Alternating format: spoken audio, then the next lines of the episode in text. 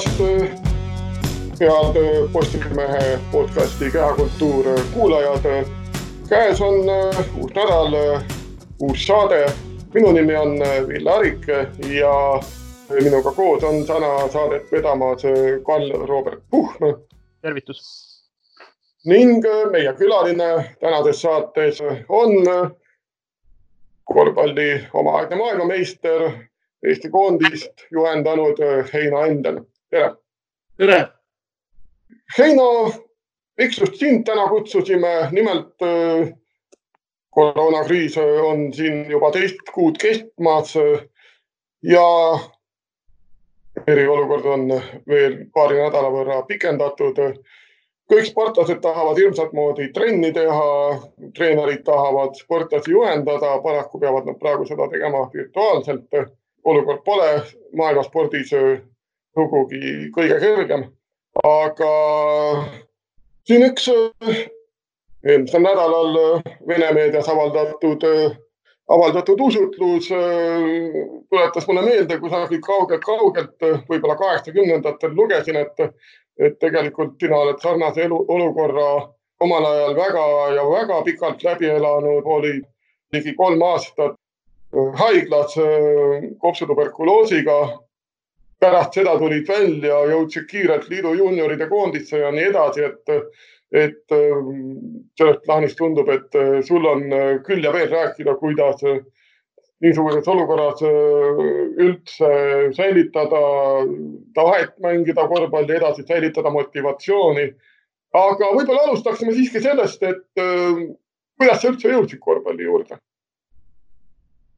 No ütleme nii, et eks ma ilmselt korvpalli juures ise võib-olla seda mitte isegi kõike algust ei mäleta, et ma olin sündimisest saati, et äh, kuna no mul ema-isa mõlemad olid korvpallurid, seda aega küll mina ei näinud e-, e-, ega selle tunnistajaks ei olnud, aga siis, kui mina juba nii-öelda asju mäletama hakkasin või nägema hakkasin, aru saama hakkasin, oli mul ema oli sekretär lauas ehk siis Eesti meestristel, isa oli samal ajal äh, Nõukogude Liidu kategooria kohtunik ehk vilistas nii väljaspool Eestit kui Eestis mänge ja siis ta oli ka mingi aeg oli Eesti noorte või juunioride koondise, kuidas iganes nimetati, ka treener, tüdrukute treener. ja kuna mõlemad olid korvpalliga väljaspool oma põhitööd nagu seotud sel ajal, nad kumbki ei olnud nagu professionaalne, eks ole, korvpallitegelane, siis väga palju õhtuid ja nädalavahetusi sai veedetud korvpallisaalides või, või kuskil laagrites, siis Kloogalannas, laagris või nii edasi. ja eks ta sealt see nagu noh, kuidagi sai esimesed kuidas öelda, motivatsioonilaeng, kui ilmselt on võib-olla õige öelda, sai sealt, kuna igal siis enne mängu või poolajal, noh, kuna ma olin ikkagi vanemate laps, kes olid korvpalli juures, mind lubati väljakule minna, siis ma seal suurte onude vahel sain ekselda vahest sain ka palli näppida ja noh, korvini visata veel siis ei jõudnud, ise pall oli suurem kui ma ise. aga ühesõnaga ikkagi tagasi visata palli ja natuke järgi joosta ja nii edasi. et eks sealt ilmselt sealt see öelda, noh, kuidas öelda, tutvumine korvpalliga võib-olla e-, esmane oli aga pärast juba noh, suved me veetsime õega alati Rapla lähedal maal, kus oli siis vanaisa ehitatud selline kokku klopsitud laudade korv, mis oli ka hästi madalal, noh, mis oli väga hea jällegi. ja eks ma üksipäini seal mängisin küll Kalev Moskva Dünamo vastu ja Kalev kellegi teise vastu ja Tbilisi Dünamo vastu ja nii edasi.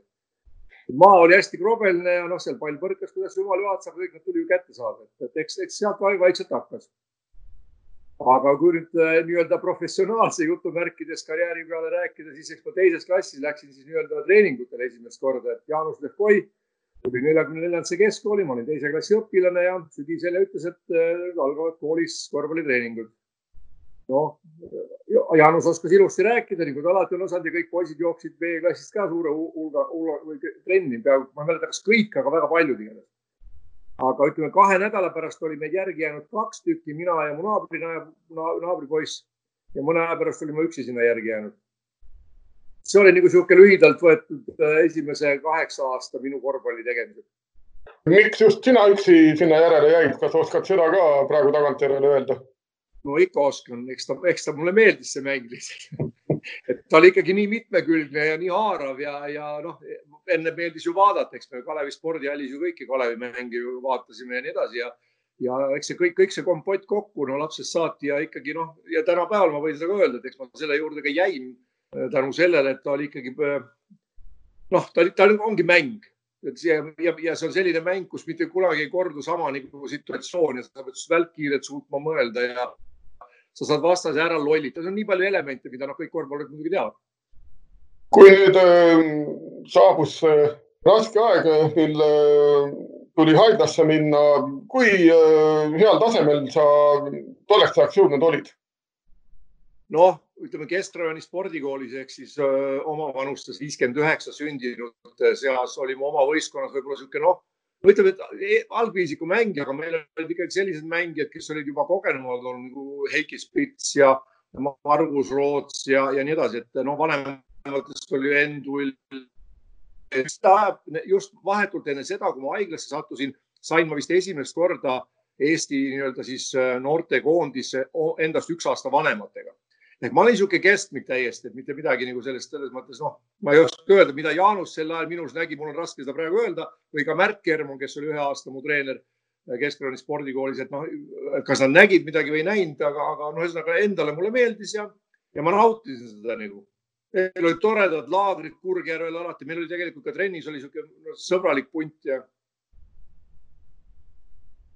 ja noh, ütleme see haigus ja asi jah, siis see, see tase oli siis selline, noh, see tuli hästi ootamatult, et eks me, me käisime Moskvas, oli mingisugune turniir, kus ma sain esimest korda tuttavaks ka Hoomitsusega, kes äh,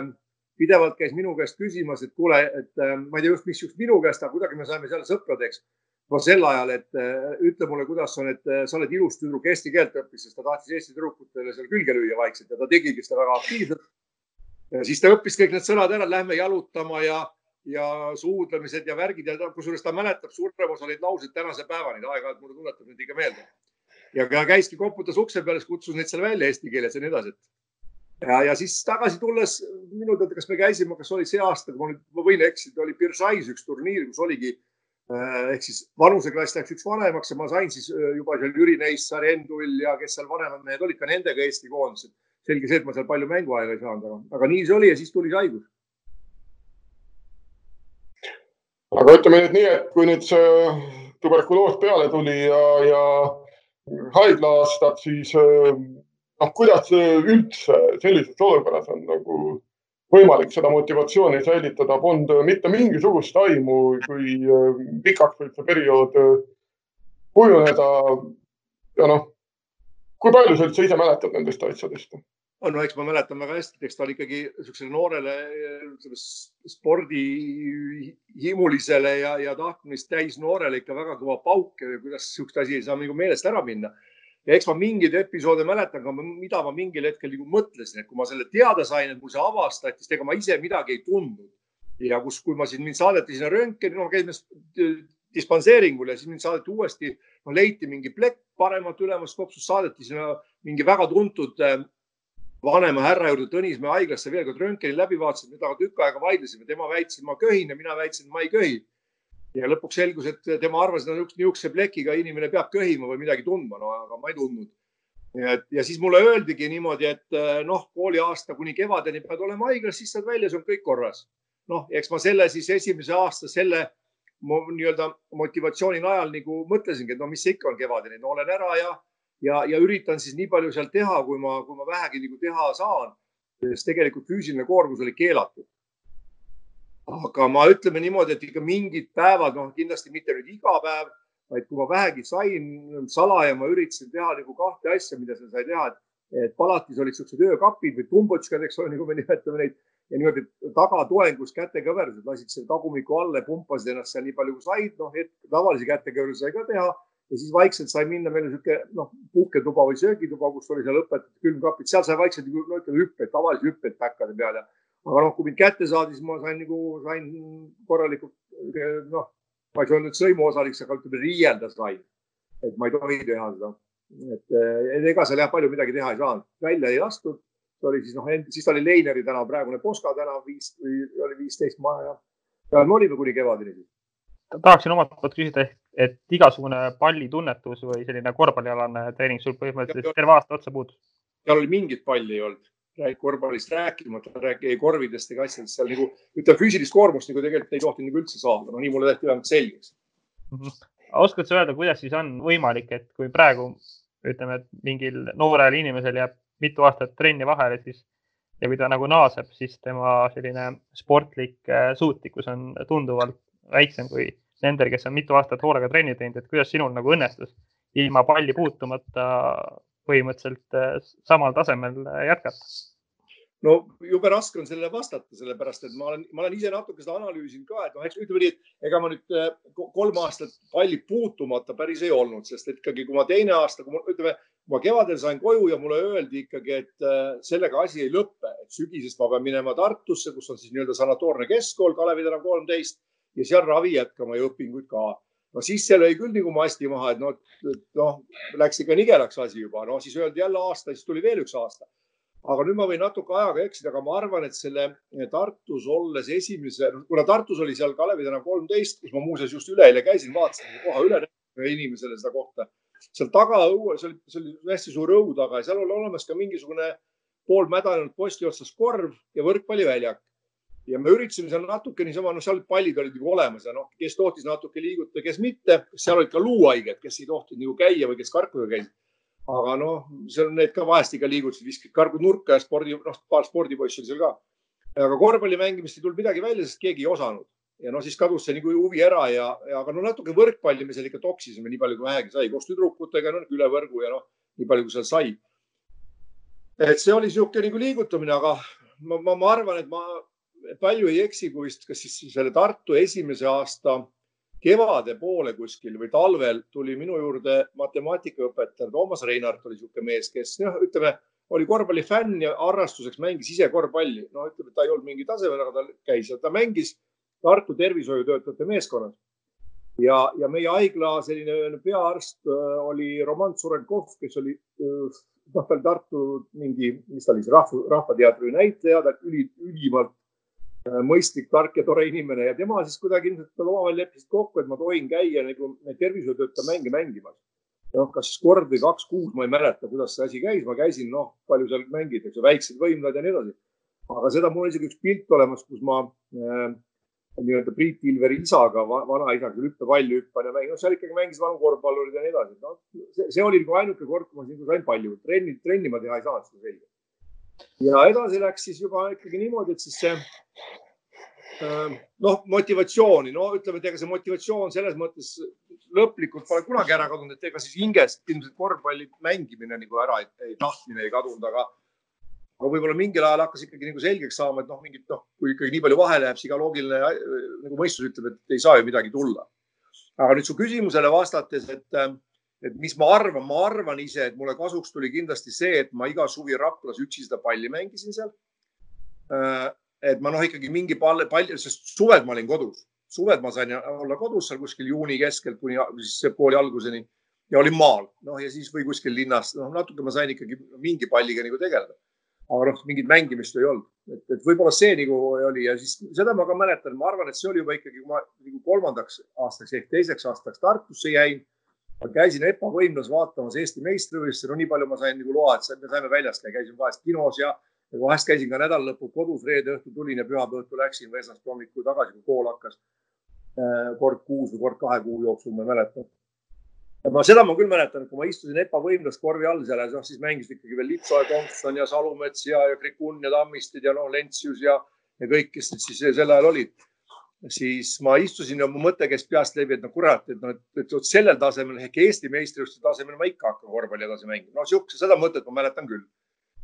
et ja sellest tulenevalt ilmselt mul siis kuskil alateadvuses, ma ise küll ei mäleta, et ma oleks seadnud endale eesmärki, et must peab tulema olümpiavõitja või maailmameister, aga kuskil alateadvuses ma endal nagu ikkagi, ma tahtsin saada kogu aeg paremaks ehk mul nagu kogu aeg eesmärk on olnud, et ma tahan nagu paremini ja paremini, ma tahan nagu noh, ja, ja, ja võita alati, et ega noh, kes meist kaotada tahab, eks ole kui mõnes tippsportlase juures öeldakse, et ta läks, sai tippu tänu sellele, et oli hir, hir, hirmus tahtmine võita, siis ma arvan, võita tahavad kõik, aga mitte tippsportlased, muidu pole ju mõtet sporti teha ega võistelda kellegagi, keegi ei lähe ju kaotama. selle kolmeaastase perioodi jooksul äh, oskad sa öelda võib-olla, milline selline kõige raskem moment oli, et kas oli see esimene aasta, kui sa terve aasta pidid haiglas olema või oli see näiteks viimane, kui siis äh, juba kolmandat aastat ei saanud sisuliselt võistkonnaga ühtegi pallitrenni teha? No ma arvan, et seal oli kaks rasket, mida ma ise niimoodi mäletan. esimene see, kui ma sellest teada sain, et ma üldse pean haiglasse minema. et noh, selle ikkagi noh, kes oli no, laps, eks ole, aasta, neljateistaastane kasueas olnud, eks ole, noh, kuhu haiglasse, ja ma saan aru, et ka kuni kevadeni, noh, see oli päris niisugune kõva põnts, see oli moraalne põnts, seda ma väga hästi mäletan, et ega ikkagi suunurgad kippusid nagu päriselt allapoole, ega see polnud niisama ja teine, teine oli siis, kui ma teadsin, sain teada, et see esimese aastaga asi ei lõpe. Ehk siis oli nagu Tartusse minek ei olnud ka üldse kerge et need kaks olid, ma arvan, kõige raskemat asja, ma, ma seda ei oska öelda, et ma seal nagu mõtlesin, ma nüüd nagu noh, kas ma nüüd seal haiglas olles juba, seal juba harjusid ära, olid ikkagi nagu sõbrad ja said üht-teist teha, et vahet ei ole. siis oli see nagu, nagu, nagu möödapääsmatus, polnud kuhugi minna, no ära põgeneda polnud ka nagu mõtet, oma tervis oli ju kaalul. et, et selles mõttes ma arvan küll, aga, aga noh, mis motiveeris või noh, mida teha sel hetkel, kui sa ei tee, siis ega noh, selle üle, mis on nagu paratamatu, pole mõtet ju, ju vinguda ega nutta, vaid on, on, ongi vaja teha seda, mida teha saad. ja noh, mõelda siis nagu edasi, mis tuleb ja millal lõpeb, teha mingeid plaane võib-olla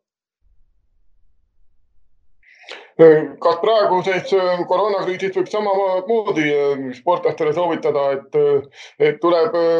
selle olukorraga leppida ja, ja täpselt nagu sa ütlesid, et teha seda, mis on võimalik teha aga loomulikult, aga mis muud teha, kui sa ei lepi olukorraga, mis sa teed, ajad meeskonna kokku, lähed saali trenni tegema või no ilupaata, eks ole jälle, noh ja selle üle pole mõtet mõelda. ma arvan, et tänapäeva tingimuste juures ja kui inimesed ei ole haiglas, vaid on kodus või kuskil maal või kus iganes nad on, siis on väljas ju keegi ei keela käia, eks ole no,. ja meil on ju olemas miljon varianti ja võimalust, et, et see, et kui keegi ütleb, kes väidab, et ta tahab saada tippsportlaseks, aga ütleb, et oi, ma ei saa praegu trenni teha või oi, ma olen, olen kehv sellepärast, et oli koroonaviirus. no siis sellest juba, juba hingeliselt ei tulegi kunagi tippsportlast. ehk ma arvan, tulebki nendest, kes praegusel hetkel leiavad võimaluse maksimaalselt ära kasutada neid olukordi ja võimalusi, mis neil üldse tekivad või mida nad ise suudavad luua, unustades ära selle vingumise, nutmise ja alamise, vaid võtavad kätte ja teevad midagi, ükskõik mida. noh, joosta saab metsas, hüpata saab, eks ole, noh Äh, sõida autoga ükskõik kuhu, kui sa oled üksigi, lähed tegema, võta sõber kaasa, kahe meetri kaugusel saate veel anekdooti rääkida, kui jooksete, eks ole, ei ole probleemi. et kõiki asju saab teha ja, ja, ja paljuski äh, nii see asi kui üldse tippspordis viib selleni, et või tähendab, tõestab seda, et tahtmine ähm, ja, ja hinges see soov midagi nagu teha, need jõuavadki kuhugi, need, kes ütleme, leiavad põhjusi, miks ma ei saanud või miks mul ei tule välja, need ei jõua ka mitte kunagi mitte kuhugi ja tundub, et kui sa haiglast välja said, siis sul oli samamoodi, et äh, sa hirmsat moodi ise tahtsid, äh, hakkasid jälle korvpalli edasi mängima ja noh, ütleme nii, et äh, aasta hiljem tulid liidu juunioride koondisega Euroopa juunioride meistriks, et ausalt öeldes see tundub väga uskumatu. kuidas see üldse võimalik oli? No jällegi vastan sama, seda peab vanajumala käest küsima, et kuidas see võimalik oli, sest mina ei oska seda ka nagu väga seletada, ma olen ise ka püüdnud mõelda, no ma ütlen, et sa paned kõik asjad kokku, et noh, juhtumine. Ja selge see, et see on ka nagu minu, minu arvamus see, et, et ega, ega päris äh, spordis või ühest, ühelgi alal päris tippu ei jõua kunagi, kui sul üldse annet ei ole. noh, sa jõuad, eks ole, tööga jõuad küll üle keskmise kuhugi tasemele, aga tippu jõuad siis, kui sul on mõlemad, nii anne kui selle juurde kulutöökus no selge see, et mul nagu on ilgelt vedanud ja, ja tänu, tänu jumalale, et asjad nii läksid ja selle asjade kokkusattumus ja kõik muu. ehk siis, kui ikkagi Jaan, Jaanus Levkoi nägi mind Tallinnas, mina mäletan, et see oli Kalevi spordihallis, ma olin kodus käimas, ilmselt olid mingid Eesti meistrivõistlused, minu arust olidki Eesti meistrivõistluste mingi turniir Kalevi spordihallis ja siis, kas sealt väljudes või oli see täna, ühesõnaga Tallinnas ta mulle ütles, et kuule, selline asi on tulemas, et paari kuu pärast on siin Tartu korvpallikoolis A-klassi Eesti meistrivõistlused kus meie vana on noh, nii-öelda meeskond on kõik koos ja noh, sa oled Tartus, et järsku sa saaksid loa meiega kaasa mängida, noh, see on nagu viimane võimalus. et noh, olla koos, eks ole, selle satsiga. noh, ja ma läksingi selle jutuga, siis loomulikult tekkis mul äh, soov nagu mängida, noh muidugi, eks seal hinges oli, et mida kuradit ma sinna lähen, aga noh, kui treener kutsub, siis vaatame, noh, vähemalt meeskonnas olla saab ikka ja siis oli ju ikkagi see ka, et kuidas ma noh, päris ilma palli katsumata ma ju sinna minna ei saa, et ma nagu üldse minna või see, et ma seal kord kuus kuskil käin mängimas, sellest nagu ei piisa. ja läksin siis Arne Laasi juurde korvpallikooli, mis oli seal noh, Kalevi tänavast kaks nii-öelda tänavat allapoole väga lähedal. sain loaga arstide käest, et ma võin seal käia aeg-ajalt natuke viskamas ja ma saingi seal otsakorvis, nii kaua nemad trenni tegid, ma sain visata, kui need vabad olid. no natuke selle ise, ise liigutasin, no siis tuli see märtsiturniir ja, ja seal ma mängisin ja me saime siis selle kadunud Eiki Spitsiga mõlemad oma meeskonna nii-öelda parima mängija eriauhinna, mingid, mingid klaasid, ma mäletan, saime sealt. ja noh, ju ma siis nagu mängisin, vaevalt mulle see nii-öelda mingi boonusena anti, et noh, ja Lev Koi on minust tagantjärgi öelnud, et ta oli ka no, väga rahul ja üllatunud, et ma nii, nii hästi mängin niisuguse vahe järgi.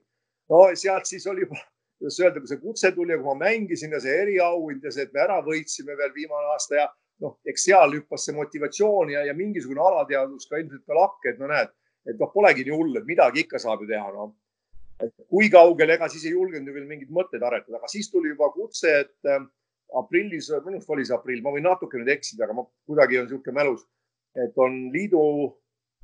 ongi vist noorte või juunioride meistrivõistluste mingi alagrupi turniir vist oli ka Tartu korvpallikoolis ja seal mängis Sikk ja kui ma nüüd mäletan, siis ka Märt Kermon vist oli seal Siki treener. Jällegi vabandan, kui ma nüüd eksin mõnes asjas ja mina sain siis kuidagimoodi jälle, kuidas see sinna tuli, ma ei tea, kas siis Levkoi soovitas või nägi Kermon või kuulis või, või keegi teine soovitas. igatahes ma mängisin ka selles võistkonnas kaasa, seda ma mäletan, et noh August Sokku ma muidugi tundsin ka ja pere noh, tundis mu vanemad ja kõik ja August oli neid mänge vaatamas. ja pärast seda siis ta kutsuski mind, et kuule, et noh, et, mis edasi järsku ikka kuidagi mängiks. ja, ja siis mul lõpetasin kümnenda klassi Tartus ja muidugi noh, siis et seal koolis öeldi, et kuulge, no viimane, klass, ära, ära mine oma kooli, jää aastaks veel siia, et noh, lõpetad keskkooli ära, ei pea siin eksamit tegema ega midagi aga no siis oli see korvpalli, see nii-öelda see veremaitse juba nii suus, et siis ma saatsin kõik pikalt ütlesin, mul on täiesti savimise eksamid mul tulevad, et ma lähen ja kogu lugu. ja lahti siis juuni keskel minust, kes oli, oligi vist kolmteist juuni või midagi siukest, ma sain sealt siis lõpuks nagu välja ja noh, siis juba, eks siis noh, kas vanemad või keegi teatas ja Kloogas tipi selles spordibaasis või selles laagris, kus ma kunagi väikse poisina olin, siis ongi maganud seal salumetsade ja ja kes seal siis laagris olid, krikunnid ja kes seal jurnod ja mäletan, et magasin poistega ühes toas, et ma ei maganud nagu vanematega ühes toas, vaid poiste toas miskipärast. ja, ja siis ma olin samas laagris, oli noorte andekate pikkade laager, mida vedas Heino Kreeval äh,.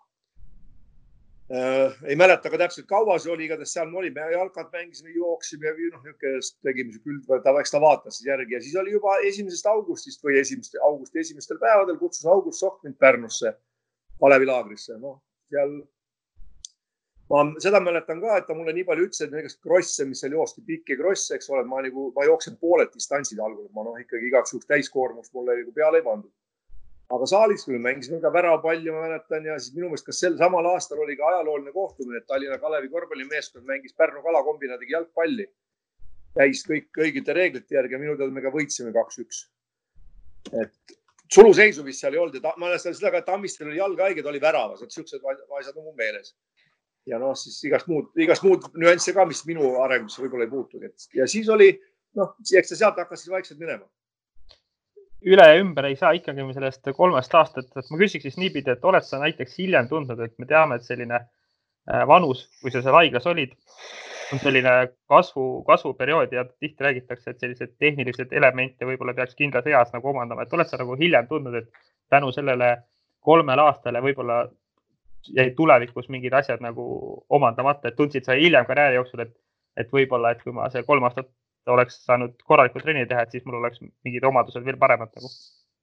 ei, ma ei ole selle peale ausalt öeldes mõelnud, sellepärast et kuna ma ei saanud trenni teha, siis ei ole mõtet selle peale mõelda, et mis oleks siis olnud, kui ma oleks saanud mm. -hmm. aga mingit puudujääki sa nagu ei ole tundnud oma mängus, et äh, no, see asi jäi omandamata? seda võib ju kindlasti öelda, et kui ma oleks kolm aastat treeninud, siis kindlasti oleks ma olnud milleski asjas parem, kui ma olin siis, mis mul tegemata jäi, see on nagu täiesti selge, aga, aga võib-olla oleks tekkinud mingi vigastus või noh, me ei tea kunagi, mis oleks teistpidi olnud, eks ole, ütleme, et ikkagi need tiitlid ja kaua ma liidukoondises püsisin ja CSKA-d, et ikkagi ma arvan, et asjad läksid nii ja pidid nii olema, et sinna jõuda, sest noh, veel kord just hiljuti oli mingi pilt oli kuskil, keegi postitas Facebooki mingi pildi, ma ei tea, kas see oli kaheksakümne viienda aasta liidukoondis või oli ta mingi, oli kaheksakümmend kaks või mingi selline. ja üks Soome korvpallitreener, kes on niisugune fanaatiline treener eluaeg olnud, seal ise ta on õpetajakoolis, kirjutas mulle kommentaariks selle pildi all, et juba sellisesse seltskonda jõudmine on omaette saavutus noh, et ehk äh, mõte nii, et noh, et noh, võidad sa selle tiitli või mitte, mis tegelikult vastas, vastab nagu tõele, eks ole, no ja, ja, ja noh, siis mõtledki, et tegelikult ega, ega kui sa seda sporti ju teed, jõuad sinna Kalevisse või Eesti koondisse ja, ja teed ja, ja jõuad sealt edasi kuhugi, ega sa sel hetkel ju väga nagu ei mõtle neid asju, see on sul loomulik, sa teed iga päeva nagu noh, sa naudid oma protsessist. ütleme, sel ajal oli ju töö ja hobi käis meil nagu koos, me saime ka lõpuks palka mingisugust selle töö eest, eks ole, Nõukogude Liidu ajal. väikest küll, aga ikkagi saime, et ära saad elada ja laagrites elasid ja kogu aeg elasidki selle rütmi järgi, et ega, aga noh, ja, ja jällegi pärast seda, kui äh, ma ei mäleta täpselt aastat, ma olin mingi üheksakümnendate keskel kuskil, kui ma organiseerisin äh, Soomes kümme aastat või isegi rohkem äh, laagreid Moskva CSKA-le ja Venemaa koondistele seal nii naistele kui meestele. CSKA treener oli Stanislav Jerjomi, minu vana mängukaaslane, sel ajal CSKA peatreener. Ja siis üks õhtu me seal järve kaldal ja metsa vahel jalutasime, see koort on äh, laagris, ta küsis mu käest, arutasime just, ma mäletan seda, et arutada, küsis mu käest, mis ma arvan, kas Sergei Bazarevitšit võtta CSKA-sse tagasi või mitte me rääkisime selle teema ümber, siis järsku ta küsis mu käest, et kuule, et Heino, et kas sa oled niisuguse asja peale kunagi mõelnud, et kui suure rahva hulga seast me sinuga jõudsime selle kaheteistkümne hulka ehk siis liidukoondisse või ka CSKA-sse, eks ole, vahet ei ole. ja me jäime nagu seisma ja ma ütlesin talle vastu selle peale, et tead, ega tõesti ei ole. Et see näitab seda, et sportlane sel ajal ei mõtle, eks ole, mida, vaid ta teeb oma asja, ta naudib sellest, mis tuleb või siis noh, nutab kaotuse pisaraid mingi. aga sa teed seda edasi kogu aeg ja, ja noh, eks ta, eks ta nii ongi. Äh, siit jõuamegi sujuvalt äh, selleni, et äh, sa jõudsid väga kiiresti ka liidu täiskasvanute koondisse. et Aleksander Komelski võttis su Ameerika turneele juba väga noore poisina kaasa. ja, no ütleme jällegi, seal on, et ma, ma, ma sain kutse, noh, see on ilmselt tänu Eesti siis treenerite ja ka võib-olla korvpallijuhtide nagu tööle keegi siis tutvustas või oli siis see aprillis see turniir kuidagimoodi jäi seal kellelegi silma, et äh, see oli novembrikuu vist seitsekümmend seitse, just oli natuke mõned kuud hiljem, kui ma haiglast välja saan, kutsuti mind no, liidu juunioride koondise laagrisse, Jessentukisse. Ja kui ma sinna siis läksin, noh, ma mäletan hästi, et ma läksin selle mõttega, et mida kuradit ma seal nagu teen. et noh, ma enam-vähem siis teadsin, kes seal mängivad ja kui ma kohale jõudsin, siis ma räägin ka, et see oli Aleksander Belostenne, Nikolai Derjugin äh, seal oli äh, Aleksander Lõndin äh, igast muud äh, seltsimehed, kes mängisid juba neid CSKA, vaata põhikoosseisus juba olid, Homitšus, eks ole, ja nii edasi. et ja sattusin Homitšuga ühte tuppa ja mõtlesin, noh, ma käin seal ära, siis eks ole, olen see kaks nädalat ära ja vaatan, noh, tulen tagasi ja noh, saan mingi kogemuse vaatan, mis on aga kui läksin sinna, siis vaatasin, et ma ei jäänud nagu füüsilises ehk siis ka mingites seal Cooperi testides nagu väga neile kellelegi alla ja, ja ka korvpallimängus ei olnud mitte midagi nagu hullu. ja noh, ehk siis tekkis jälle uus nagu noh, peas ilmselt mingi mõte või, või motivatsioon, et asi polegi nii hull, et võib ju mängida küll nendega vennad, eks ole, kes on tulnud seal juba seal kadettide Euroopa meistriks ja mänginud seal noorte MM-idel kuskil ja nii edasi aga, aga kui nüüd selle kopsu üldse selle noh, võib-olla selle võhma juurde ja, ja füüsilise juurde tagasi tulla, siis noh, tugevad jalad mul ilmselt on kogu aeg all olnud. aga mul oli ka kopsuhaiglas olles, mu kopsumaht oli, kui ma nüüd täpselt mäletan, kas seitse tuhat kakssada või seitse tuhat nelisada. mille kohta arstid ütlesid, mis kuradi kopsuhaige sa oled, et sul kopsumaht on nagu täiskasvanud sõudjal, kurat. Ja ka süda oli tugev, nad seal mõõdeti kogu aeg, meid kontrolliti ja prooviti ja noh, noh kopsumahtu ja EKG-d ja südame mingit seal, ma ei tea, suurust ja pumpamist ja pulssi ja värki. ehk millest ise sel ajal midagi ei jaganud, aga noh, et seal said targemaks jälle ehk ju see ka ikkagi mingil määral kaasa aitas, et süda oli tugev ja, ja ka kopsud olid, kopsu, noh, kopsumaht on suur, eks ole, hapniku tarbimine on ja kõik, et ega. Ja noh, ütleme siis käisin Essetugis ära ja no siis tekkis mingi vahe ja juba suvel või kevade poole aprillis, siis me sõitsime Poola mingile turneele ja, ja siis me sõitsime mais Ameerika Ühendriikidesse, seitsekümmend kaheksa mais sellesama koondisega, kes oli ja mäletan seda väga hästi, et kadunud meie treener Korufee Edgar Raarits, kui ta sellest teada sai, noh, ma ju seal korvpalliperekonnas olles kõik mind nagu tundsid, ütles mulle, et kuradi poiss, et näed, kus sul veab, et, et mul on Ameerikas sugulased ja mul on raha, aga mind sinna ei lasta. aga sa lähed ilma rahata sinna, sul makstakse veel päevaraha peale, antakse süüa ka. vaat sihuke pool huumoriga, aga no mis vastas tõele, et, et jällegi sihuke. ja no siis oligi, et siis me suvel mängisime veel mingeid turniire ja, ja augustis oli juunioride Euroopa meistrivõistlus Itaalias kusjuures noh, jällegi hakata tagasi mõtlema, pärast siis ju kedagi ei teadnud, aga finaalis me mängisime Hispaaniaga ja võitsime neid küll, me olime jällegi hästi pikalt ees, aga lõpuks sada neli, sada võitsime. Hispaanias mängisid sellised mängijad nagu San Epifanio, Martin, Fernando Romay, Iturriaga, Lorente äh,. keegi, ma ei mäleta, keegi oli isegi veel, ka sihuke seitse-kaheksa mängijat, et me olime täitsa nii-öelda tulevased Real Madrid, CSKA ja nii edasi, siuksed liidukoondised, päris palju mängijaid jõudis mõlemast meeskonnast väga kõrgele ole hea, kirjelda natuke seda Ameerika reisi, ma mõtlen just sellise eluolu poolt, et kuidas oli Nõukogude Eesti poisina suurde Ameerikasse minna, just selline äh, elutingimused seal ah,? no eks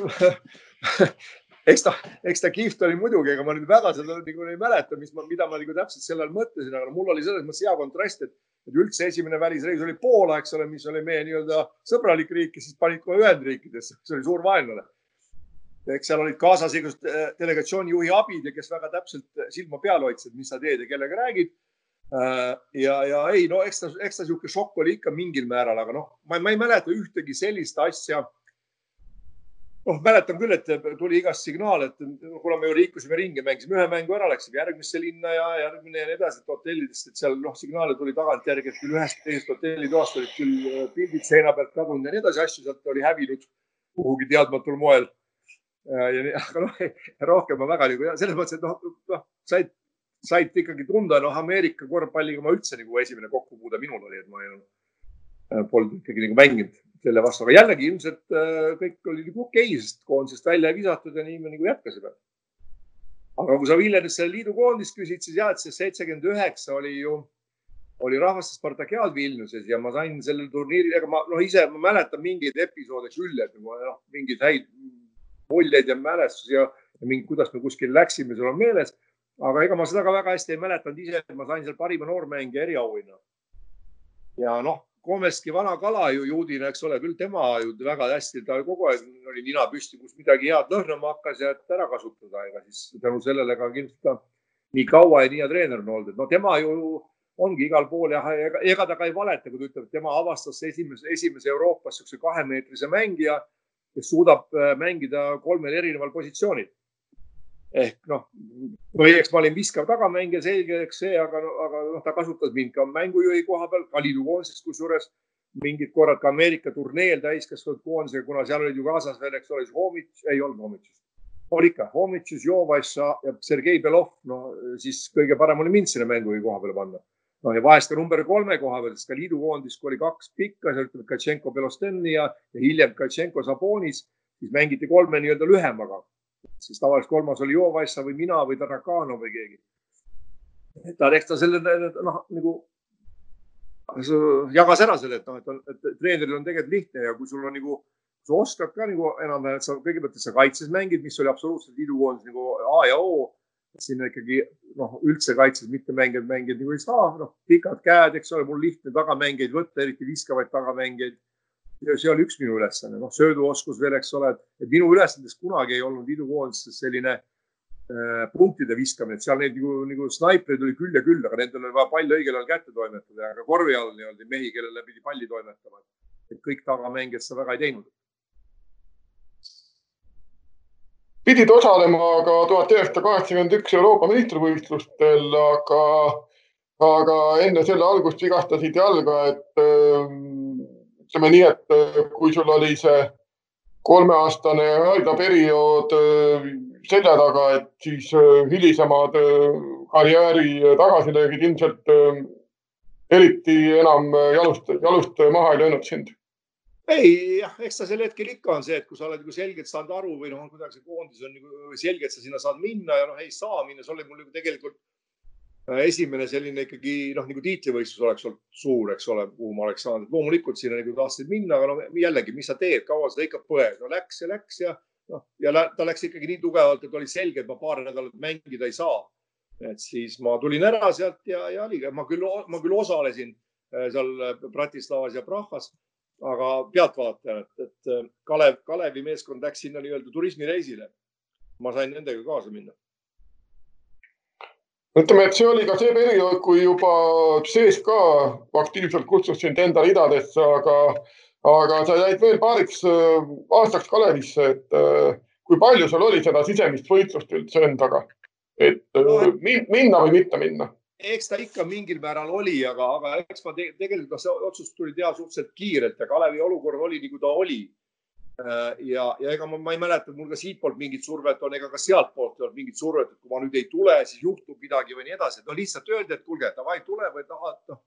aga ma arvan, et ma nagu mäletan, ma natuke selle kopsuhaiguse taha üritasin ka pugeda, et ma nagu veel armeesse mind vägisi võtta ei saa, kuna mul oli pikendus. ja, ja noh, samas jällegi ega siis äh mingit soovi muidugi Riia aastaga kuhugi minna ei olnud, et mingil hetkel ma pidin armeesse niikuinii minema, aga no eks, eks see ütleme nii, et mida hiljem ette heideti, et, et ma ei olnud nagu oma, oma kodumaa või Kalevi patrioot, siis eks see patriotism või, või soov ikkagi Kalevit nagu aidata mind siin hoidis. kuigi tagantjärele selgelt ma olen iseendale ka tunnistanud, et see minu arengule tuli see kahjuks. noh,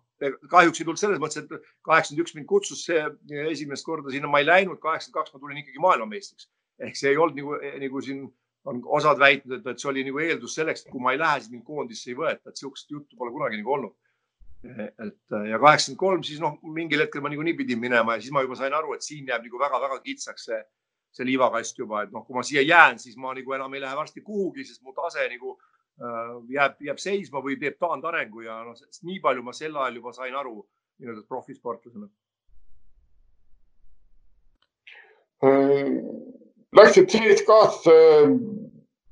tulid kohe need äh, suured finaalid Kaunase Žalgirisega ja nii edasi, aga noh, see oli siis kodusel Nõukogude Liidu areenil, aga ütleme nii, et siis said sa põhimõtteliselt iga päev harjutada koos nende meestega, kellega muidu ainult koondises koos olid, et, et ma usun, et, et selline Moskvasse minek tähendas noh, isiklikus plaanis uut arengu sellist äh, hüpet, äh, taganttõuget, kas oli niimoodi? muidugi oli, äh, selles mõttes, et CSKA on ikkagi läbi aegade olnud, on väga professionaalne võistkond, kus asjaajamine ja see käib ikkagi maksimaalselt heal tasemel võimaluste juures ja muidugi, eks igal, igal heal asjal on ka halvad küljed nagu alati, et ei ole kunagi, et üks asi on täiesti hea, et noh, eks sa lähed ju kodust kaugele esmakordselt nii kauaks, sa lähed aastaks minema praktiliselt. Noh, seal küll sai võib-olla käia mingi väga väikseid korda ja noh, ikkagi suhteliselt nagu noh, kuidas öelda,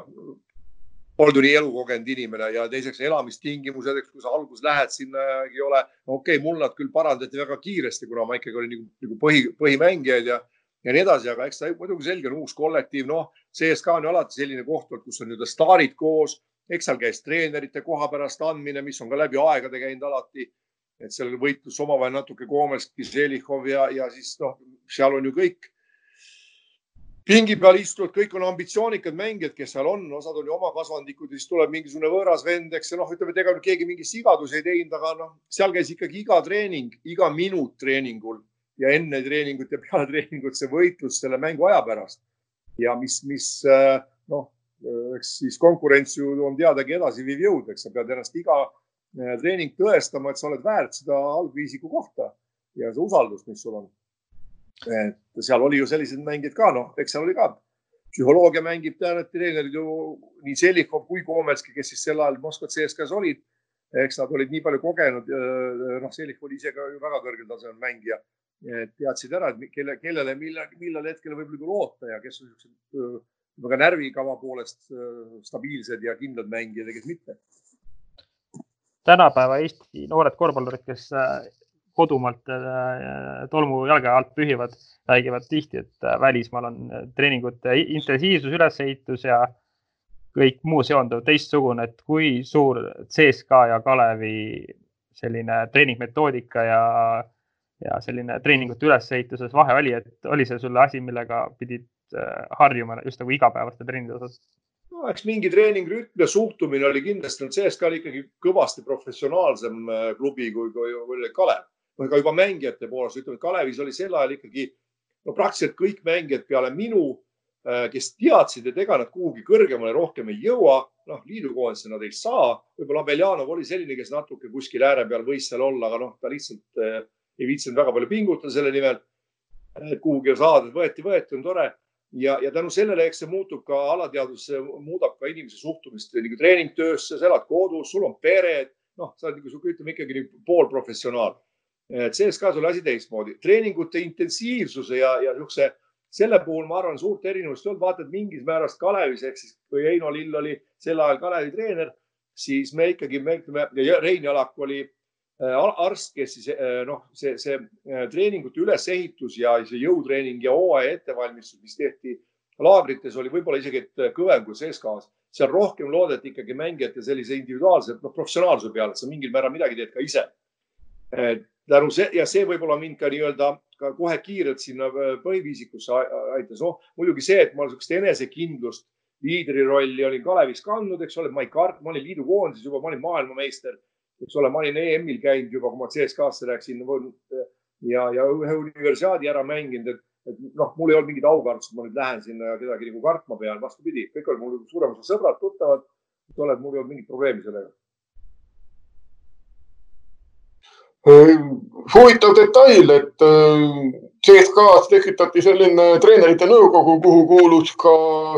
enam-vähem poole võistkonna jagu mängijaid ja, ja ka sinul õnnestus sinna, sinna nende sekka või õigemini sind valiti ka nende sekka sinna treenerite nõukogusse, et, kuidas sa praegu vaatad sellele, noh, sa oled ise ka hiljem treener olnud ja nii edasi, et, et see nagu tundub päris julge käik juhtkonna poolt tegelikult. Äh, nojah, sel hetkel treener oli Selihov. Ja nagu ma ütlen, eks ta vana mängijana, ta oli niisugune kaval taktik, et näiteks ma tulen natuke aasta tagasi aastasse seitsekümmend kaheksa, oli Euroopa juunioride meistrivõistlused, siis Selihov oli Obuhovi juures teine treener. ja ütleme, et äh, ega me Euroopa meistriks tulime ka tänu sellele, et äh, Selihov seal oli ehk Obuhov oli noh,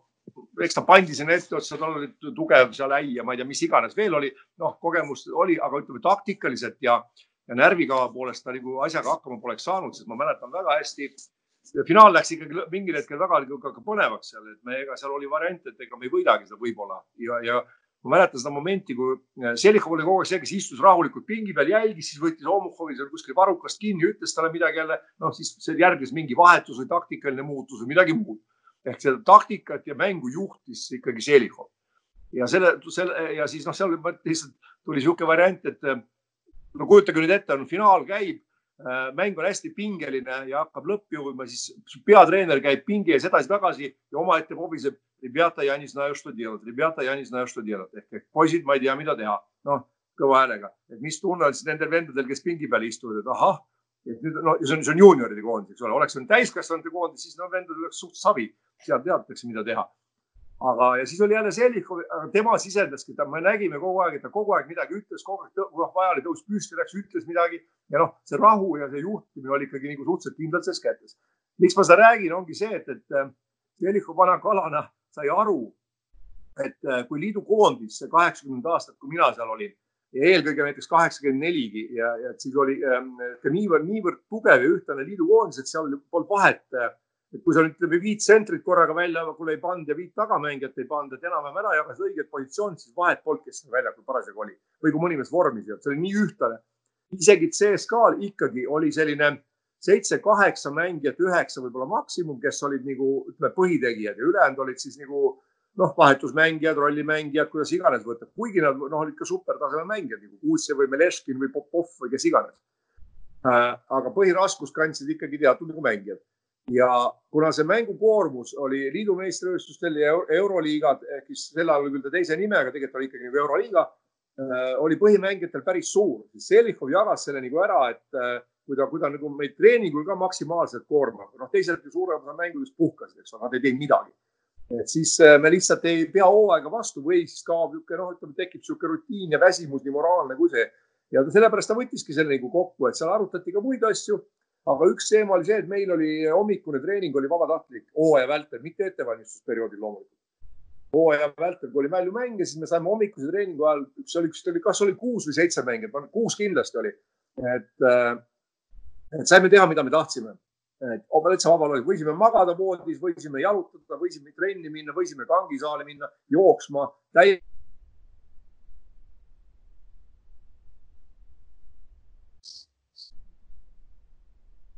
hakka vedama ei hakka. kui oleks hakanud vedama, siis oleks tulnud mängus ju kajastatud või mängulises treeningus õhtul. ehk selles mõttes ta nagu tegi õige otsuse. ma arvan, olen kindel, et Eestis see asi poleks kunagi läbi läinud. Võib-olla kuidagi, nojah, ei, ilmselt mitte kunagi. või ta ei oleks töötanud, ütleme nii, läbi läinud, läbi võiks ta minna küll, aga noh, ma arvan, et aga seal oli see konkurents oli nii, nii tugev ja mängijad olid ikkagi nii motiveeritud ja, ja sellisel tasemel seal polnud, polnud varianti nagu eksida kui tuhande üheksasaja kaheksakümne neljanda aasta juurde veel minna, siis äh, sel aastal toimus Los Angelese olümpia, kus siis Nõukogude Liit äh, boikoteeris seda ja jäi ka korvpallikoondisel mängimata, et, et äh, oled öelnud, et vot seal oleks küll tahtnud mängida, et Michael Jordan, Patrick Ewing äh, olid, olid need mehed, kes toona kuulusid USA olümpiakoondisse ja hilisemad absoluutsed NBA staarid. jah, ei no kes ei taha, kui sa, see just enne sama juttu, eks, kui sa mängid ja siis iga tiitlivõistlus on see, mille nimel ju aasta otsa tööd tehakse. noh, on liidumeistrid saavad läbi ja siis järgmine eesmärk on mingi suurvõistlus. et loomulikult kõik selleks ju valmistus ja tegelikult seda oodati nii Ameerikas kui meil väga palju, sest ütleme niimoodi, et, et me ise tahtsime sinna minna, noh, meie tahtsime neid seal võita, nemad tahtsid meile oma kodus pähe teha, noh, mis oli täiesti arusaadav. aga, aga meil, ma ütlen, et päris ilma igasuguse, noh, aastakümneid nüüd asja analüüsides, rääkides ka kõigi teiste asjaosalistega, ka ameeriklastega siis meil oli ikkagi väga suur šanss ka võita. võime öelda küll Jordan, aga Jordan oli sel ajal ikkagi ülikoolist tulnud koolipoiss ja ka Ewing samasugune. ja kui vaadata nüüd eh, Nõukogude Liidu koondist, keda Aleksander Komelski on korduvalt avalikult ka nimetanud läbi aega tema, tema kõige ühtlasemaks ja tugevamaks koosseisuks, siis seal oli ikkagi kogemus, just suurvõistluste kogemus, nende võitmise kogemus, finaalide võitmise kogemus kõvasti rohkem kui, kui ameeriklastel see hasart ja kodus ja see ja tahtmine ära panna on alati see, aga neid, seda oli kogu aeg ka nendel turneedel, et küll tuldi ilge, ilge füüsisega peale, aga nii-öelda seda kõrvade vahe tihtipeale ei jõudnud järgi. Äh, kas me oleks võitnud, ei tea, see võib jääda, jääbki nagu spekulatsiooniks, aga reaalselt me olime väga-väga heas vormis, sest äh, me saime äh, teada sellest, et Nõukogude Liit boikoteerib kaheksakümne neljanda aasta olümpiamänge täpselt eelmine hommik, kui järgmine hommik me pidime sõitma Prantsusmaale eelolümpiaturniirile, et võidelda üldse välja koht olümpiale. kuna ameeriklastel olid olemas korraldajana, meil ei olnud. ja me läksime sinna küll natuke varem, et me pidime mängima ühe turniiri kuskil ja siis minema sinna äh, Pariisi äh, uude Bercy halli mängima seda olümpiakvalifikatsiooniturniiri ja saime, kui me sellest teada saime enne lõunat, tuli niisugune ametlik teade, ehk siis pressis tuli välja, et Nõukogude Liit boikoteerib. mingit olümpiale sõitu ei toimu. siis õhtul, noh, me mõtlesime, et on, see hooaeg on läbi ja homme on koju sõit, et mida me lähme mängima olümpiapääsmeest, eks ole, kui me olümpiale ei lähe, et noh, see on ajuvaba pole ju nagu no, mõistusevastane. ja me läksime seal Novogorski lähedal oli niisugune meile lemmikhotell, kus oli väga hea restoran, all oli Sajus. me läksime terve meeskonnaga sinna ja noh, nii-öelda pidasime aasta lõpupidu siis väga edukalt ja, ja, ja nagu ikka peetakse neid pidusid. ja lõbus oli ja tore oli ja siis järsku kuskilt keegi mingi väga hilja õhtu juba tuli järsku ikkagi teate kohale, et me hommikul sõidame sinna ja no siis äh, võid kujutada, et kui hommikul siis Pariisi äh, lennuk jõudsime sinna, siis meeskond oli suhteliselt lõbusas tujus veelgi. aga no kolmeski niisuguste kohta pidas pidi nagu, aga noh, miks ma nüüd pika jutu räägin, oli see, et äh, seda eelolümpiaturniiri oli vaatamas ka Bobby Knight ehk olümpia, USA olümpiakoondise peatreener, kellega ka Komelsk oli heades suhetes ja seal paljud Venemaa korvpalli tegelesid, ta suhtles venelastega ja kuna me võitsime seal suhteliselt kindlalt kõiki, teades, et me olümpiale ei sõida, eks ole, noh, et mis motivatsioon üldse nagu pingutada või mängida, aga see näitab seda, et me liidukoondises noh no, ikkagi tuleb ju edasi elada ja mängida. ehk finaalis, olümpia kvalifikatsiooniturniiri finaalis, kui ma nüüd täpselt mäletan, me võitsime Hispaaniat, äh, kes oli hilisem siis olümpiafinalist USA vastu kolmekümne kahe punktiga. ehk see oli nagu noh, see näitab, kui tugev oli see koondis ja kui ühtlane ta nagu oli ja, ja selles mõttes oli pärast Bobby Knight ise ka kuskil kirjutanud öelnud, et tema vaadates meie mängu, no ta küll teadis siis, et ei tule, aga no mingi, noh, mingi šanss on alati, et järsku muudetakse midagi, olümpiani oli veel aega, eks ole. et ta ütles küll, et temal igatahes tekkisid küll niisugused väga tugevad kahtlused, kui me nüüd ju, et kuidas ta nagu suudab seda meeskonda võita oma noh, nii-öelda ikkagi üliõpilastega. aga noh, nii see oli ja nii see läks ja tegelikult pärast käis no,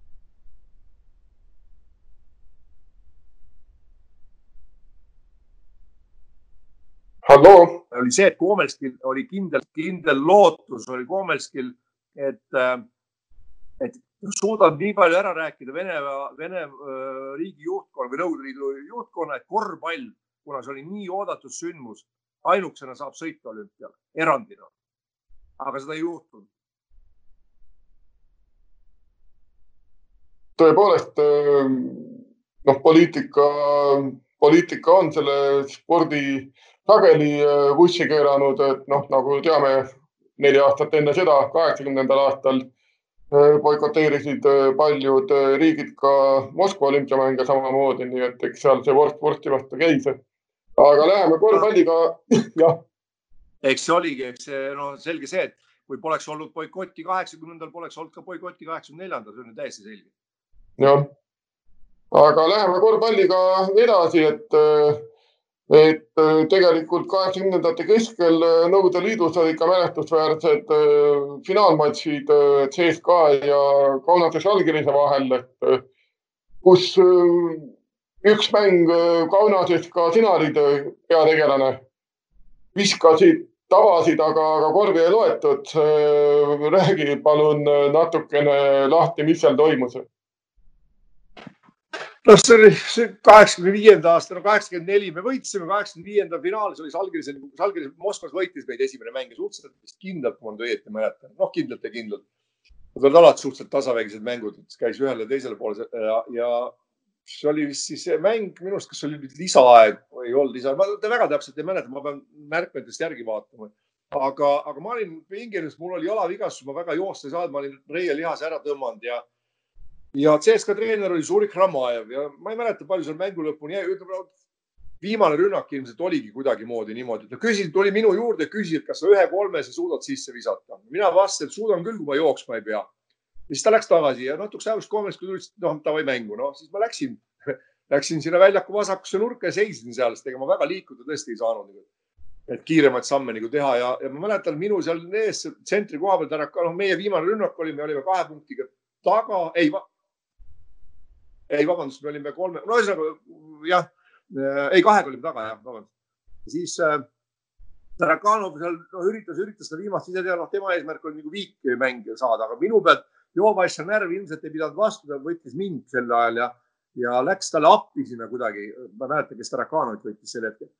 ja ta, lõpuks siis ta nägi Sergei, et noh, midagi muud teha ei saa, ilmselt noh, siis natuke kas hilja või midagi oleks võinud selle palli varem ära sokutada, noh, söötis mulle, ma olin täitsa vaba nurgas ja ma viskasin selle viske sisse no Valters väidab, et kaks koma viis sekundit oli aega järgis, aga püstolipauk käis just vahetult enne, kui ma palli käest lahti lasin. no sel ajal, kuna kisa oli saalis nii suur, siis mingit, mingit sireeni ega kohtuniku vilet nagu kuulda polnud. et mängu selline tasavägiste mängude lõpp, kus oli punkt-punkti mäng, finaalides lasti õhupüstoliga alati. ja siis see püstolipauk kõlas ära, no mäng lõppes ära ja ja, ja nii oligi, aga pärast, noh, mina ju kapten Adobloodi ei vaadanud, eks ole, noh, selle järgi, kuidas mängis, teadsid, palju aega on enam et nii see oli, aga osad väidavad, et aeg oli läbi, osad ütlevad, et noh, Valters väitis kindlalt, tema nägi, et kaks koma viis sekundit oli aega järgi, aga noh, mine võta kinni, see on ajalugu. igatahes see, see oli põnev ajalugu ja, ja neid, neid legendaarseid matše Žalgirisega, noh, oli vähemalt ülihuvitav vaadata. noh, Kaunases tõeliselt täissaalid, et. mitte ainult Kaunases, Moskvas oli. Moskvas ka ja Moskvas ka jah, et äh, kujutan ette seal oli kaklusi ja igast värki ja politsei või no miilitsakoerad ja seal oli ikkagi saal oli ümber piiratud päris kaugelt, enne kui sinna saali juurdegi sai. et selles mõttes oli ikkagi see, see mäng oli mõlemal pool ikkagi oli, oli mängiti täis maja ees no isegi me mängisime ju kaheksakümmend seitse Lužniki eh, jäähallis juba, sellepärast rahvas ei mahtunud ära, et CSKA saal oli liiga väike. millal sa said äh, esimest korda kusagilt väljastpoolt Nõukogude Liitu pakkumise, et kuule, et tule meie klubisse. noh, ega ma nüüd neid kuupäevi, aastaid nii väga täpselt ei mäleta, enam-vähem suurusjärku mäletan no.. noh, ütleme, et esimese pakkumise, enne kui ma CSKA-le läksin, ma sain ma Kaunases allkirjaselt kui, päris, kui päriselt nad üritasid mind Jovaisse hommitusi ikkagi päris mitmeid korda. Kiievis ma mäletan ikkagi tundide viisi, ma, ma mingid Nad lubasid mulle selle, ma polegi pärast küsinud, et mis kuradi imeväeosad need olid, mingid, rääkisid mingid julgeolekuvägedest või ma ei tea millestki, kuhu nad oleksid mind nagu tavalise armee asemel võtnud. ehk et Moskva poleks mind siis kätte saanud. ja, ja noh, ma lihtsalt, ma mäletan, ma ütlesin neile niimoodi, et kuulge, et kõigepealt CSKA on mind juba kaks aastat niikuinii kutsunud ja, ja teiseks, et, et kui ma nüüd teile tulen, et siis mõtle, mõelge, milline nagu sõda tuleb, et noh, nagu Moskva, Leedu suunas ja, ja ka Moskva Eesti suunas, et noh, pole vaja seda viha ja sõda, et noh et selles mõttes oli see, aga no ütleme, et kui sa nüüd selle sinu küsimusele vastates, Ville, siis äh, no ütleme, esimest korda pakuti mulle ära hüpata Ameerikas. et helist- no,, telefoni teel küll eestlased, väliseestlased helistasid, noh, et sa oled nii noor ja nii sellisel tasemel juba, et jää siia, me anname sulle seal kõik vajalikku, eluks vajalikku, nii kaua kui sa leiad endale sissetuleku korvpalliga, et noh. aga sellest sel hetkel nagu no, loomulikult ma isegi pikemalt mõtlemata, et äh, keeldusin aga Euroopas oli, ma arvan, et sellel hetkel tegelikult, kui ma ikkagi CSKA-s esimene hooaeg mängisin, et äh, siis ma sain esimesed pakkumised sealt noh, mitte nüüd, keegi ei tulnud otseselt pakkuma, et näed, siin on leping või me pakume sulle raha, ega uuriti vaikselt niimoodi maad, et kuule, me tahaks, et sa tuleksid, kas noh ja nii edasi. et minu meelest esimene oli Maccabi, kes pakkus pärast Antwerpeni kahte mängu, kui ma olin seal, kuna me mängisime Maccabiga alati Euroliigat Antwerpenis, kuna Nõukogude delegatsioon põhimõtteliselt Iisraeli ei, ei, ei olnud nõus minema. noh, tõid küll ettekäänded, küll turvalisuse probleemid ja nii edasi, aga tegelikult Maccabi vennad ütlesid, et kurat, et teid ainult siin oodatakse, et teile tagatakse turvalisus ja kui, kui CSKA oleks läinud Tel Avivi, siis nad ütlesid, et me peaks mängima jalgpallistaadionil, muidu korvpallihall lihtsalt jookstakse puruks. aga seda ei juhtunud ja noh, ma mäletan, me mängisime esimese mängu, mängisime üle päeva, kaks mängu järjest Antwerpenis ja noh, nemad tulid kohale meie. Et esimene mäng ma viskasin kakskümmend kaheksa punkti, teises kakskümmend viis ja suhteliselt hea protsendiga ja no siis tuli niisugune esimene küsimus, kuule, et noh, tahaks järsku, et nii edasi aga noh, seal ega need jutud kaugemale ei läinud, sest see oli ikkagi nii, nii sügav aeg veel, et sealt polnud nagu rääkida. noh, need huvid, noh, mingi ka Poolast oli kunagi küsiti ja noh, ikkagi nagu sõbralik maa ja, aga ega nad kaugemale ei jõudnud. Hispaania klubid olid huvitatud. Aga see oli aeg, kui Nõukogude Liidust veel ei olnud äh, võimalik jah. Äh, äh, vähemalt, vähemalt julgenud mõeldagi selle peale. jah et esimest korda tundus, et siis, kui juba see Gorbatšovi perestroika käis, siis, siis sai tasapisi mõtlema hakata ja, ja kaheksakümne kaheksandal aastal taga jõudsid Soome välja, et kas enam ei tahtnud CSKA-s mängida? Ja selle, selle jah, vastasid ise ära, et küsimusele keegi ei tahtnud küll jah, et tegelikult oli ju niimoodi, et peale, peale seda Kreeka õnnetut EM-i kaheksakümmend seitse me, meil oli noh, mitte meie ei kirjutanud, meie saime teada, et meid oli nii-öelda lepingu Itaalias San Marino klubi. noh, seal eks ta oli niisugune pool sihuke ongi nagu näitamise klubi sel ajal, et sinna mängima minna, noh. et ilmselt oli, ma arvan, et seda tehti sellepärast, et, et sealt sujuvalt siis edasi minna juba nii-öelda profiklubides, et kohe minna oli võib-olla sel ajal ikka kaheksakümmend seitse või natuke vara. et noh, võimud ei tahtnud seda nagu näidata, et noh, minna mingi ala show ja näidisklubi, noh, seal oli seal ülejäänud ameeriklased kõik. et minul ja Jovaissal oli siin nagu leping, et kaheksakümmend seitse sügisel me oleks pidanud minema sinna. ja sealt oli plaan siis nagu ette edasi minna. aga see, me ei läinud sügisel selleks, et selle meeskonna peasponsor oli Winstoni suitsu, noh, suitsutootja. Ja nende leping vist lõppes ära enne sügist ja, ja nad, see klubi ei olnud uut lepingut suutnud sõlmida sügiseks ja suutsid selle sõlmida alles äh, kuskil peale uut aastat, minu arust, kas see oli veebruar. aga selleks hetkeks oli mul sündinud poeg juba novembris. Äh, ma olin natuke nagu noh, ütleme vaheldumisi pendeldanud siis Astrahani, kus ta sündis ja, ja, ja Moskva vahet, vahepeal mängisin, mõned mängud ei mänginud. Zelihov ikka kogu aeg keelitas, et tule, noh ja siis ma sellest hetkest ma otsustasime, et me ei lähe ikkagi, kui nad lõpuks kutsusid, et tule nüüd, et nüüd on mõlemad Joe asjaga helistasime, ütlesime, et ah, ärme lähme, et mis selle hooaja lõpuks ikka läheb, mängime oma klubides lõpuni, siis vaatame ja nii läkski, et mängisime siis kumbki ära finaalis. õnnestus Salgiristele võita ja, ja siis oli küll juba selline tunne, et siis ma, kui see, see, vot see tunne oli käes, et võimalus on minna ilmselt. aga, aga mingit agente ega asju ega polnud ja, ja suvel oli Tallinnas üks selline Soome legendaarne korvpallur nagu Mikko Koskinen kes elas Tamperes, kellel oli oma reklaamibüroo ja nii edasi ja sõitsime kaatriga mere peal, jõime šampust ja niisama ajasime Tallinna naisega Tallinnas, mul külas ja siis ütlesin talle, et kuule, et tead, davai, organi mind Soome, et saaksid nagu minema. ja, ja sest noh, ütleme ausalt, sa küsid õige küsimuse, oli, oli ausalt öeldes niisugune nagu kopp oli ees, see noh, see aastaringne karussell kogu aeg, eks ole, käis ja, ja ühest laagrist teise puhkust nagu ei olnud, noh, pere oli, laps oli, mis minu jaoks alati olnud nagu, nagu esmatähtis. Ja, ja ka selle, selle mõttega ma nagu öelda, selle Seouli olümpialaagritest loobusin, ma ütlesin Koomeskile kohe, et minuga ei ole mõtet üldse arvestada, ma tahan olla oma lapsega, perega. Ja, ja punkt. noh, äraminek muidugi, kui see Soome asi hakkas tõsisemaks saama, siis sel hetkel ma sain korteri, kuigi kõik teadsid, et ma ära lähen, ikkagi Venemaa armee süsteem oli nii aus, et andis mulle väga kihvti korteri. Ja Selikov üritas mind ikkagi keelitada, et jää ikkagi mängi aastake veel ja vaatame edasi, aga ei, ma noh, kuna ma ei olnud Äh, ma olin ikkagi nagu tsiviil, tsiviil, ma ei olnud sõjaväelane, siis kinni hoida mind keegi ei saanud ja ma ütlesin, et ei, vahet pole. et ega ma sealt ära ka ei kippunud, kuigi sealt pakkumisi tuli mujalt ka natukene, et Saksamaalt igalt poolt mujalt, et oleks võinud minna, aga ma, mõte käis läbi, et noh, kuhu ma väikse lapsega hakkan üks aasta siin linnas, siis jälle põruta kuhugi edasi, et ei tahtnud. tagantjärgi, tagantjärele võime vist öelda, et see Soome minek oli selline periood, kus enam korvpall ei olnud elu, elus see kõige tähtsam, et, et so, Soome minekuga vist pere tõusis esikohale no tegelikult ta tõusis just kaheksakümmend seitse ehk ütleme sellesama kaheksakümmend kaheksa kevadega, kui mu poiss ikkagi noh, üksteist november sündis ja siis oli mul ikkagi, see oli A ja O, et noh, ega ma muidu seda Astrahani vahet poleks ka pendeldanud kogu aeg edasi-tagasi. kui mulle korvpall tähtsam oleks olnud, küll ma oleks seal Moskvas istunud ja mänginud ja treeninud, eks ole. Aga ma ikkagi päris palju mänge jätsin vahele ja noh, ütlesin, no need pole olulised mängud, ma lähen minema. noh, keegi mind väga kinni ka ei hoidnud et noh, nii et eks ma, eks ma no ikkagi suhtusin treeningusse tõsiselt ja tegin, aga, aga jah, sellega võib öelda, et ega ma ise nagu teadlikult noh, kui ma oleks ikkagi motiveeritult edasi mängima, küll ma oleks Seuli läinud siis ka ja nii edasi, aga see, see ei olnud enam nagu tõesti prioriteet. ja eks ma sain sellest aru ka, et Soome minek on selgelt tõmbab alla ka mu nii-öelda tippkorvpallikarjääri. et ega see, see oli, see oli täiesti teadlik samm. No korra ma ikkagi nagu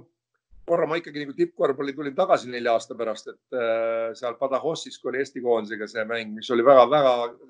mul on, vot sellest mul on nagu millestki on kahju, siis okei okay,, see noh, hakkad mõtlema, see kaheksakümmend üks jala väänamine, aga jällegi täpselt sama asi oli üheksakümmend kaks, et tegelikult oli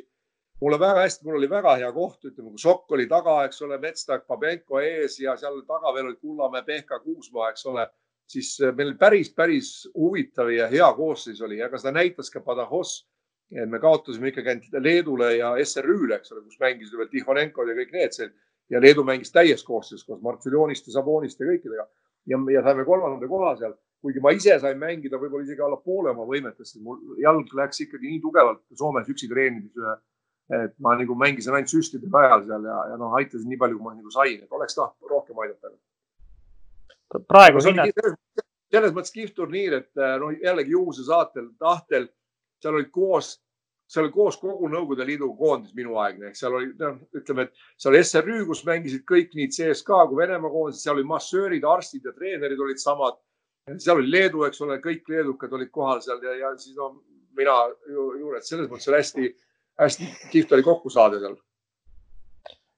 äh, praegu hinnates, mida sa peaksid enda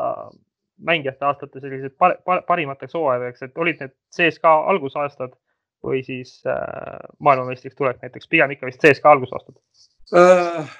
ütleme niimoodi, et ma olin maailmameistrivõistlustele minnes väga-väga heas vormis. üks sekund, Viks, ole tasa, palun. ole palun tasa. et ma olin väga heas vormis, ma olin hommiksusega nagu põhitagamängija paar, Roti oli üks tagamängija paaridest ja, ja mul oli pärast ühte mängu, ma läksin, mind kutsuti dopingukontrolli ja ma läksin dopingukontrolli, noh, me oleme mänginud kõva mängu, pärast seda ei ole seda nii-öelda eesti keeles pissi häda kohe ei tule ju, eks ole, kuna no, vedelikud on kõik kadunud ja ma palusin meie arsti, et too mulle paar pudelit õlut. Noh, eks ta lõi vedelaks, ma arvan, mingi ta ei julgenud tuua, no mis Koomets umbes ütleb pärast, no kes see teada oleks saanud, et lihtsalt küll nad igast asju mõtlesid, panid mulle jääkotti selja peale, aga ihu oli ju kuum ja igalt poolt turgutasin, lõpuks ma selle proovi ära andsin muidugi õudse pingutuse peale ja järgmine päev oli mul kolmkümmend kaheksa, seitse palavik. et äh, ma olin ikkagi, noh, ühesõnaga see lõi mu ikkagi täiesti rütmist välja pärast seda, et ma ühe mängu jätsin vahele, kuna ma olin palavikus täiesti. Ja, ja siis nagu edasi mängis, enam see vorm loomulikult ei olnud päris see, mis oli. aga kui sa küsid mängude kohta, siis ma arvan, et ja esimene aasta CSKA-s ma olin päris heas vormis ja kindlasti kaheksakümmend seitse ma mängisin väga hästi, selle kohta on Kometski, Kometski ise öelnud korduvalt, et ma olen esimene mängija tema treener pikas treeneri karjääris, kes pärast abiellumist mängib parema hooaja kui enne. ehk eh, noh, eks ta näitas ka suhtumist sellesse ja noh, selgelt mul oli ka abikaasa oli sportlane, eks ole ja nii edasi, aga, aga see ei mõjutanud nagu vastupidi, muidu on ikka perekondlikud hooled ja mingid asjad. hea küll, aga, aga ma siin nüüd eh, küsiks veel äh, korvpallurikarjääri äh, järgselt äh, sa oled kahtlemata kogu aeg jälginud korvpalli ja, ja äh, sellega igatpidi kursis, aga samas liiga selle sisse pole tahtnud jääda, et aastatel kaks tuhat üks kuni kaks tuhat neli olid Eesti koondise peatreener, pärast, pärast seda tegeled jälle rohkem teiste asjadega, noh, ütleme, et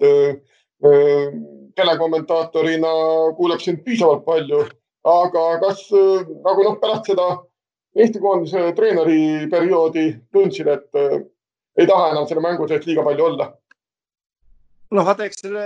sportmängude ja nende asjadega igal pool on nii, et ega sa vägisi kuhugi ei, ei lähe ise, et kuule, ma nüüd ilgelt tahan sinna minna või ma tahan nüüd ilgelt seda teha, et, et selge see, et äh,